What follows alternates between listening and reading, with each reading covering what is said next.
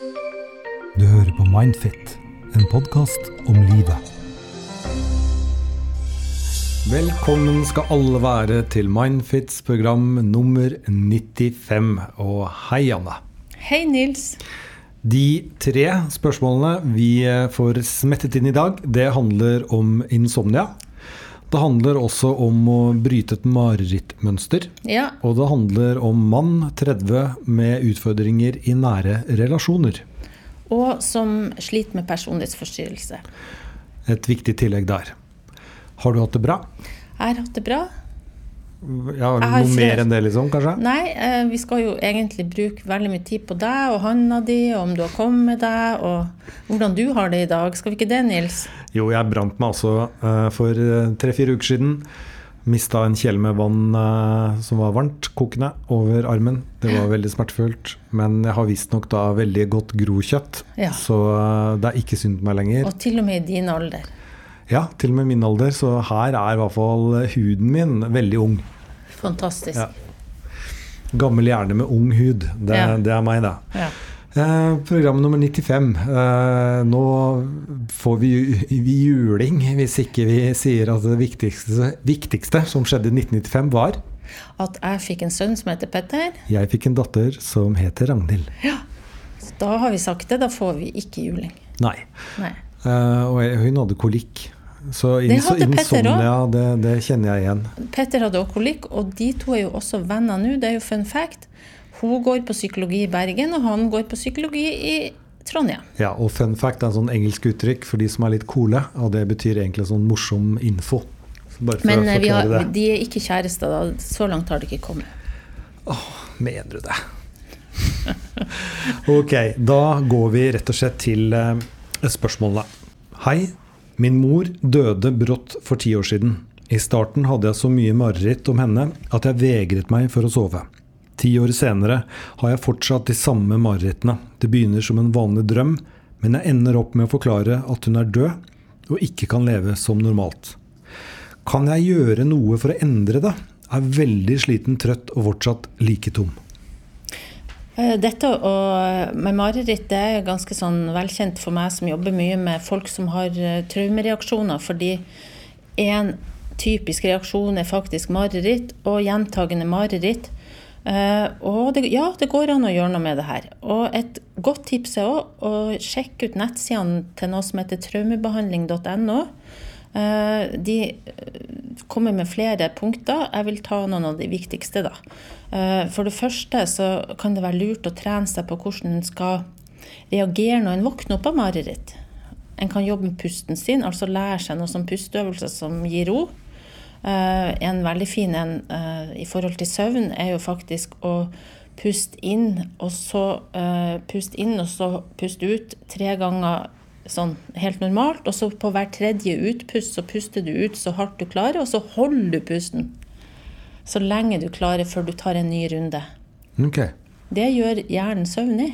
Ja, på, av mangel på oksygen, rett og slett. Ja, det skjer noe med oksygenblandinga. Sånn det er mange som går til meg som øver seg på denne pusten. Altså de puster inn normalt, ut normalt, én, to, tre, hardt ut. Men det høres ut som ikke selvmedisinering, men selvbesviminering. Det er en veldig fin måte å få til en slags ro på. Eh, noe annet er jo, som er veldig viktig i forhold til mareritt, det er det her med nåtid. Al altså når du våkner, det å instruere deg sjøl til at du er her. Altså å ankre seg i nåtid er et godt poeng. Og da kan du prøve å tenke på hvilke gjenstander som du har rundt deg som kan minne deg om at du er her. Eh, så det å se seg rundt, uh, si til seg sjøl at nå er du her, det var bare et mareritt.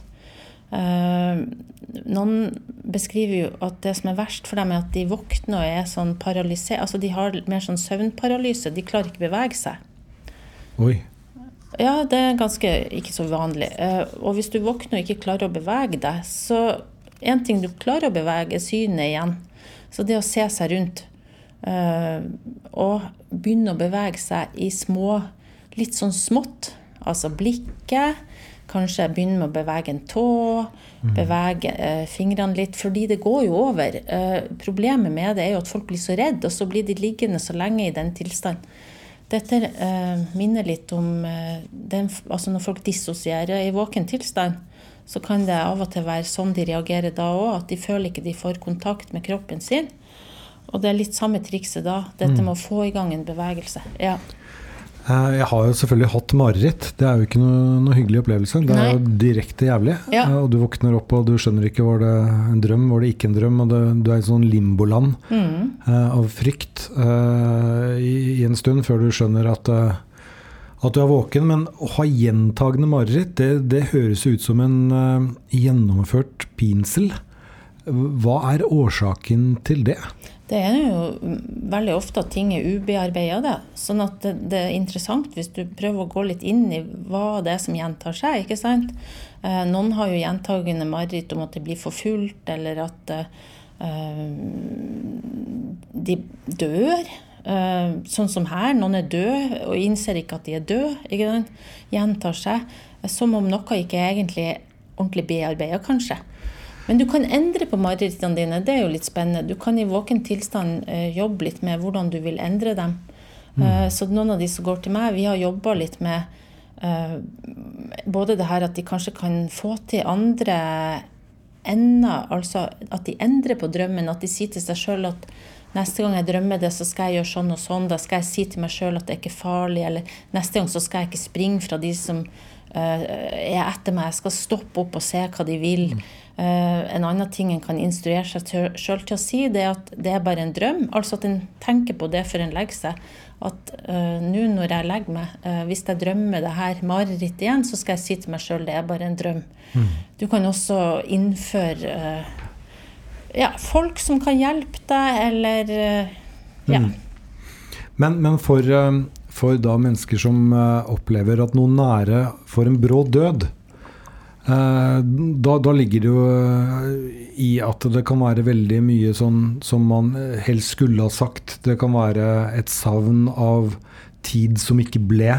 Og det oppleves Altså, det er jo en traume hvis eh, noen du er veldig glad i, blir plutselig eh, revet eh, bort fra deg. Nils. Så hun skriver jo at eh, hun hadde så mye mareritt eh, om moren sin at hun vegret seg for å sove. Og det er jo heller ikke uvanlig. Folk utsetter å sove. Eh, men det jeg også ser, er at en del eh, av de, de som jeg har hjulpet, da, eh, det de er redd for, det er lurt at vi snakker om i våken tilstand. ikke sant? De utsetter ofte de ubehagelige tankene til de skal legge seg, og så går de inn i drømmene sine med en uro. ikke sant? Nettopp. Så, så det, det er også et triks da, å, å få satt ord på og snakka om, eller notert seg hva det er en, en frykter en skal drømme om litt tidligere på kvelden enn akkurat rett før du sovner. For ellers så blir det angsten for angsten. Det blir det, vet du. Og så tenker jeg også at, at mareritt er òg en del av det som plager folk som har eh, behov for å bearbeide ting. Eh, sånn som eh, mange som går til meg, så gir jo marerittene seg når de får hjelp med å bearbeide det de har opplevd som er knytta til marerittene. da. Så kan man gjøre noe for å endre dette? Ja, det kan man. Du, du har Ja. fått noen tips, og, og terapi er selvfølgelig ett tips også. Det er det, men det, det er jo også Sjekk ut det her, for det står også en link der til en artikkel om å endre mareritt og sånn. På den nettsida traumebehandling.no. Ja. Da spretter vi videre til uh, neste spørsmål. Skal vi ta det lille om insomni først? Det, det henger litt sånn sammen. Ja, det kan vi gjøre. Ja. Eh, Hva skyldes insomnia? Og hvordan løse det opp når du ikke kan stole på at legen, psykologen, kan hjelpe? Altså et toledda spørsmål, dette her. Vi begynner med definisjonen av insomnia. Ja, altså Insomnia er jo faktisk noe som øker i befolkninga. En, en snakker jo om at hele 15 av, av voksne, eller en tredjedel av oss, kan få de problemene. Og Definisjonen av det er at en har problemer med innsoving, eller at en våkner veldig mye i løpet av natta, hyppig oppvåkning, eller at en våkner veldig tidlig om morgenen. Og noen har jo alle de tre. Ja, øh, så Har du det? Nei. Eh, nei, i, i perioder kan jo alle få problemer med søvn. fordi det er jo liksom hva det skyldes. Ja, det er jo så mye ulikt. Eh, en ser jo veldig eh, mange ganger at de som har psykiske plager, de har søvnplager i tillegg. Depresjon, angst kan gi de plagene. Men en ser jo også sykdom, smertetilstander, kan jo gjøre at du sover dårlig. En ser at stress gjør det, og det har vi jo alle i perioder. sånn at jeg tror nok det er ikke så uvanlig å kunne sove litt dårlig i perioder. Og så er det en ting eh, jeg vil eh, ta opp som er veldig viktig, og det er skjermbruk. For det har jo økt veldig med uh, søvnplager hos ungdom, men også hos voksne, tror jeg. Og det, og det, som mange ikke vet, er jo at det er det her lyset. Vi har jo snakka om det før. Mm. Det er det her blå lyset uh, som kommer fra dataen og nettbrett og, og, og, mobil og sånn, som du helst ikke skal drive og holde på med, i hvert fall ikke siste timen før du legger deg. Og der skynder mange. Du ser litt sånn, Nå ser du egentlig ut, litt skyldbetynga ut, Nils. Ja, jeg ser på, leser meg opp på amerikansk politikk eh, hver natt før jeg legger meg. Men eh, det å få på det gule lyset, det er jo veldig enkelt, egentlig. For at en kan jo skru på et sånn night shift, eller sånn nattlys på, på, på iPad og sånn. Det jo, ligger jo på innstillinga. Mm. Og noen bruker jo også sånne gule briller som vi har snakka om før. Og de kan du kjøpe på Claes Olsen, altså. Veldig billig. Ja, kult. Det er liksom én ting å tenke på hvis det blir brann, og hvordan ser jeg egentlig ut hvis brannmenn kommer? Ja, ja. Ligger jeg her med gule briller og teddybjørn-onepiecen, men ja. Så da, da har vi snakka litt om hva det er. Men hvordan kan du løse opp når du ikke kan stole på at den legen eller psykologen du har, kan hjelpe? Eh, da er jo spørsmål nummer én om eh, vedkommende har prøvd da, og, og liksom føler at man får dårlig svar. Og, og, og, da er det jo kanskje å konfrontere mm, både eventuelt fastlegen og psykologen med at er du helt sikker? Jeg har lyst på å få en second opinion. Altså, når det gjelder søvn, så er det nok dessverre et litt stemoderlig tema, kanskje for en del psykologer og leger. Men har ikke dere sånn søvnklinikk på Psykologisk fakultet i Trondheim? Altså, Østmarka har jo en søvnklinikk. Okay. Eh, Østmarka sykehus, som er en del av psykisk helsevern i Trondheim. Uh, I Bergen, uh, og de har jo også laga ei veldig bra nettside som heter sov.no. Eh, og der eh, får du tak i, for det er et veldig sånn godt utgangspunkt for å hjelpe seg sjøl, mm. det er å kartlegge, eh, altså skrive søvndagbok ei uke eller to. Fordi det du skal da Du får veldig gode instrukser om det der på nettet, men det du skal se på, er jo når legger du deg, fra du legger deg til du sovner, hvor lang tid tar det sånn cirka, hvor mange oppvåkninger har du, hvordan føler du deg på dagen. Eh, når står du opp? Eh, har du noen høneblunder i løpet av dagen?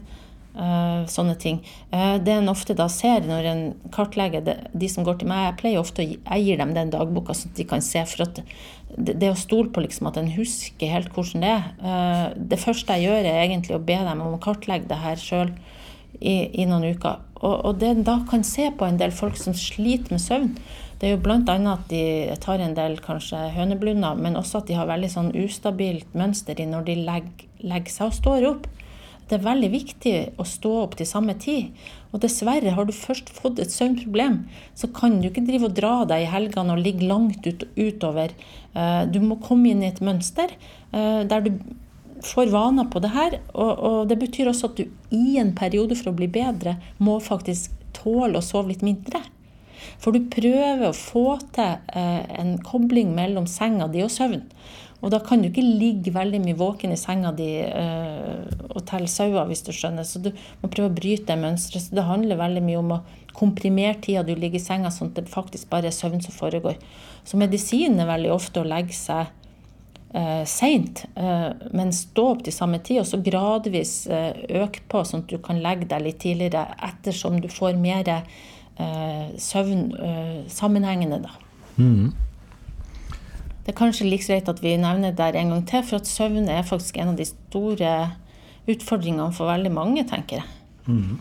Hvis du tenker på ungdom, jeg bare sier det kort, så uh, har jo søvn Altså de i snitt nå sover kanskje bare seks og en halv time om natta, men burde ha åtte-ni timer søvn.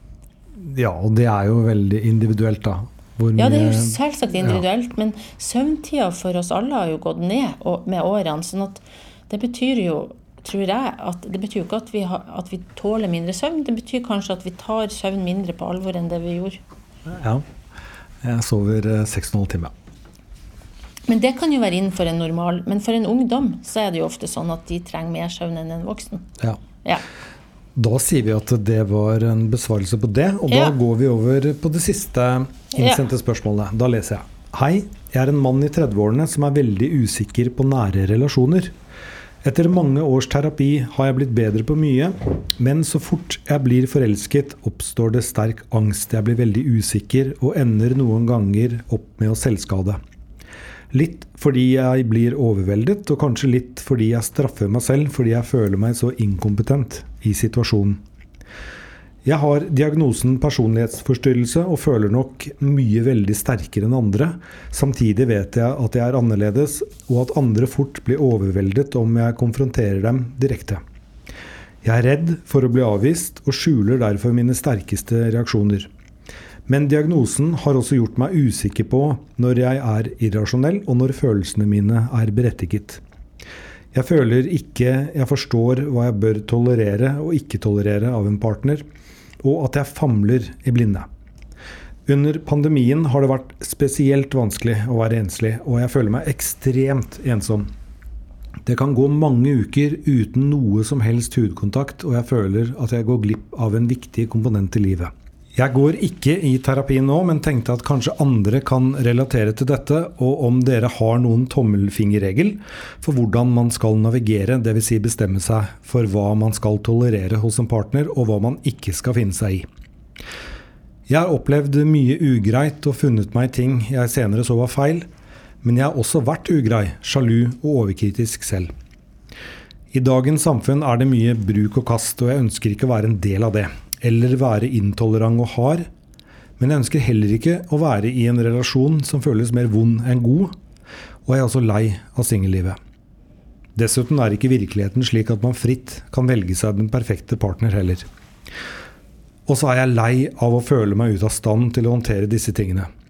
Jeg skulle så gjerne vært den sterke for noen, men føler meg mest som en byrde, spesielt i forhold. Hva kan jeg starte med å bygge opp en robusthet? Jeg, jeg, må bare si at jeg, jeg leste det her, og så tenkte jeg at denne mannen fortjener en kjæreste. Det er veldig ok skrevet, veldig innsiktsfull på vegne av seg sjøl. Eh, og så kjenner jeg jo veldig også igjen de tingene Altså jeg tror det, det er sånn allmennmenneskelig, det han tar opp som han sliter med. Uh, og så tror jeg det, det, er veldig gjenkjennbart for de som har en personlighetsforstyrrelse, at de blir veldig usikre på hva som er ting de burde tåle og ikke tåle i et forhold, fordi de er så klar over at de har denne sårbarheten, at det er noe med måten de reagerer på ting på som er utover det som er normalt, eller såkalt normalt. Mm. For jeg vil bare si med en gang, vi alle har jo en personlighet. Og for meg så Altså, jeg har jo òg trekk, du har òg trekk, helt sikkert, som du ikke er så glad i. Altså, vi unnviker noen ting, vi kan være mistenksomme, vi kan ha humørsvingninger. Vi kan være avhengig, ha avhengige trekk. Eh, og så tenker jeg at det er liksom grader av det her, da. Og så eh, når du får en personlighetsforstyrrelse, så, så, så, er det sånn at, at det, har satt seg mer, og konsekvensen eller utfordringen med det blir mer sånn eh, synlig for deg sjøl og andre, tenker jeg. Typisk eh, I bånn ligger det jo for mange en veldig lav eller ustabil selvfølelse.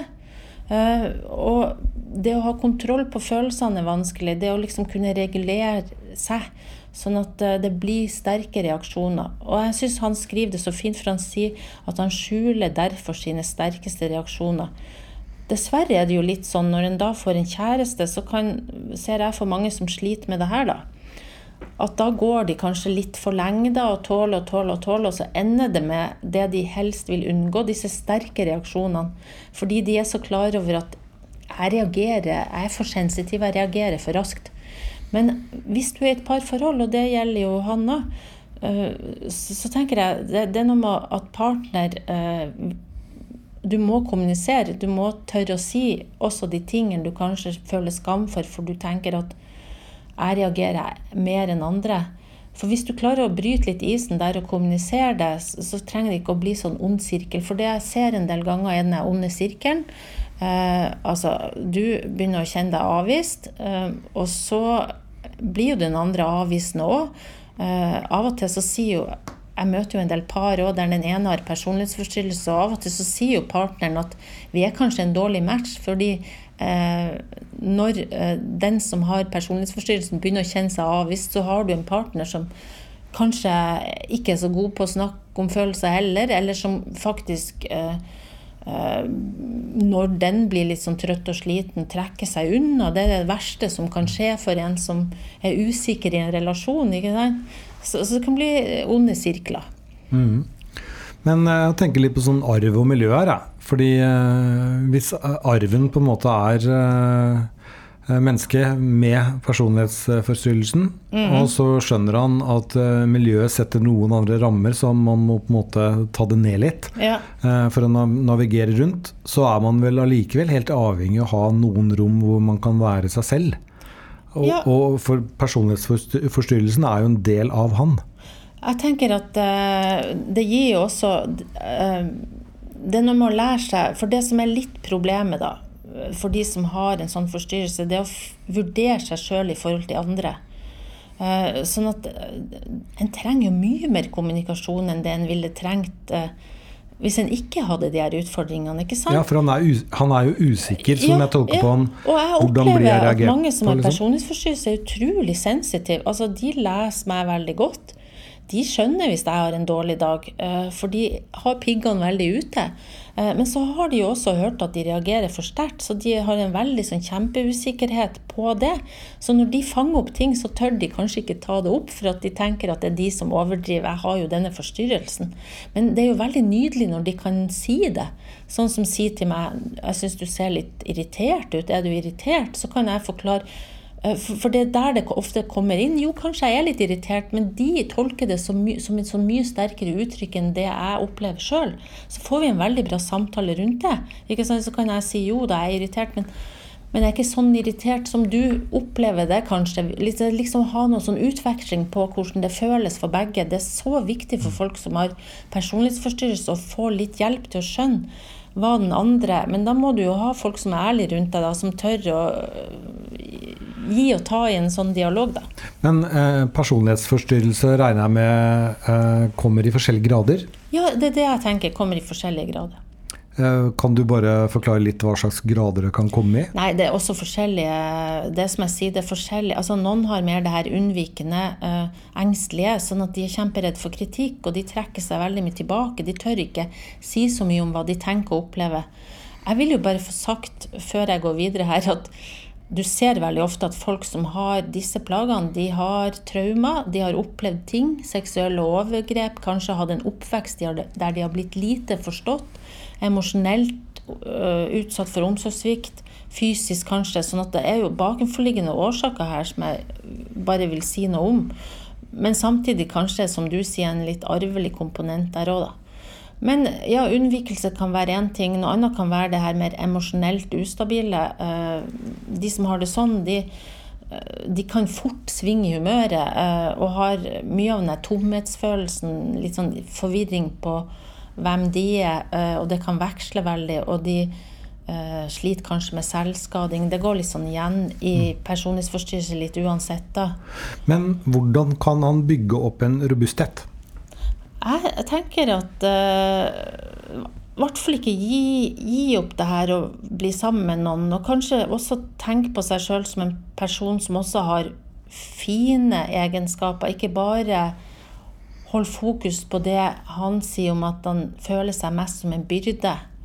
Uh, så jeg tenker at uh, det å tørre å spørre folk litt, hvordan jeg blir oppfatta, det å og tørre å si fra hvordan en har det, sette ord på ting sammen med andre, det tror jeg er litt veien å gå. Og så tenker jeg at dette kan jo være en person som har vært i terapi før, og som også har en del verktøy. Fordi det fins jo, bl.a. her i Trondheim finnes det et sånn gruppeterapiprogram som heter STEPS og Stairways. Og der jobber de eh, med dette med å lære seg sjøl mer å kjenne, sånn at en ikke skal gå fra 0 til 100 i reaksjoner, f.eks. Ikke sant? At, at en kjenner litt trykkokeren.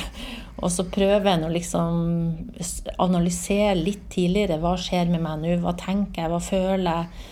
Hva var det som utløste det? Og bli kjent med seg sjøl, sånn at en kan eh, både forstå det og kanskje etter hvert klare å forklare det til andre. Det tror jeg er veldig viktig. Og det å lære seg eh, å håndtere eh, eller forstå selvskading òg, fordi mange selvskader, så det er eh, noe som kan komme veldig fort som en reaksjon på ting, men det er også noe du kan få kontroll over, eller mer kontroll over. Det vil jeg absolutt si. Så jeg mener det er håp for folk med personlighetsforstyrrelse. Det finnes gode terapiformer. Traumebehandling, som jeg driver med. Gruppeterapi, der en lærer teknikker. Eh, jeg tror det er veldig lurt hvis en har en partner, at en også tenker litt familie, altså parterapi. Ja, Mm. Og også når du skriver så fint som han her gjør, så tenker jeg nå det er håp. Ja, det var jo det du sa når vi leste det, at uh, denne mannen her må få kjæreste. Ja. Han skriver så pent. Ja. Ja. Da sier vi at uh, det var da uh, Da er vi ferdig med program nummer 95. Det er vi. Neste uke, ikke, eller om 14 dager, da, så er det program 96. Så da får vi atter en gang gå inn i hukommelsen for å finne ut hva som skjedde da. Da skjedde det ingenting. Det var da det ikke skjedde noe som helst. Um, for de av dere som var i tvil, så var altså jeg lekmannen, og du er psykologen. Ja. ha det bra! Ha det. Du hører på Mindfit, en podkast om livet.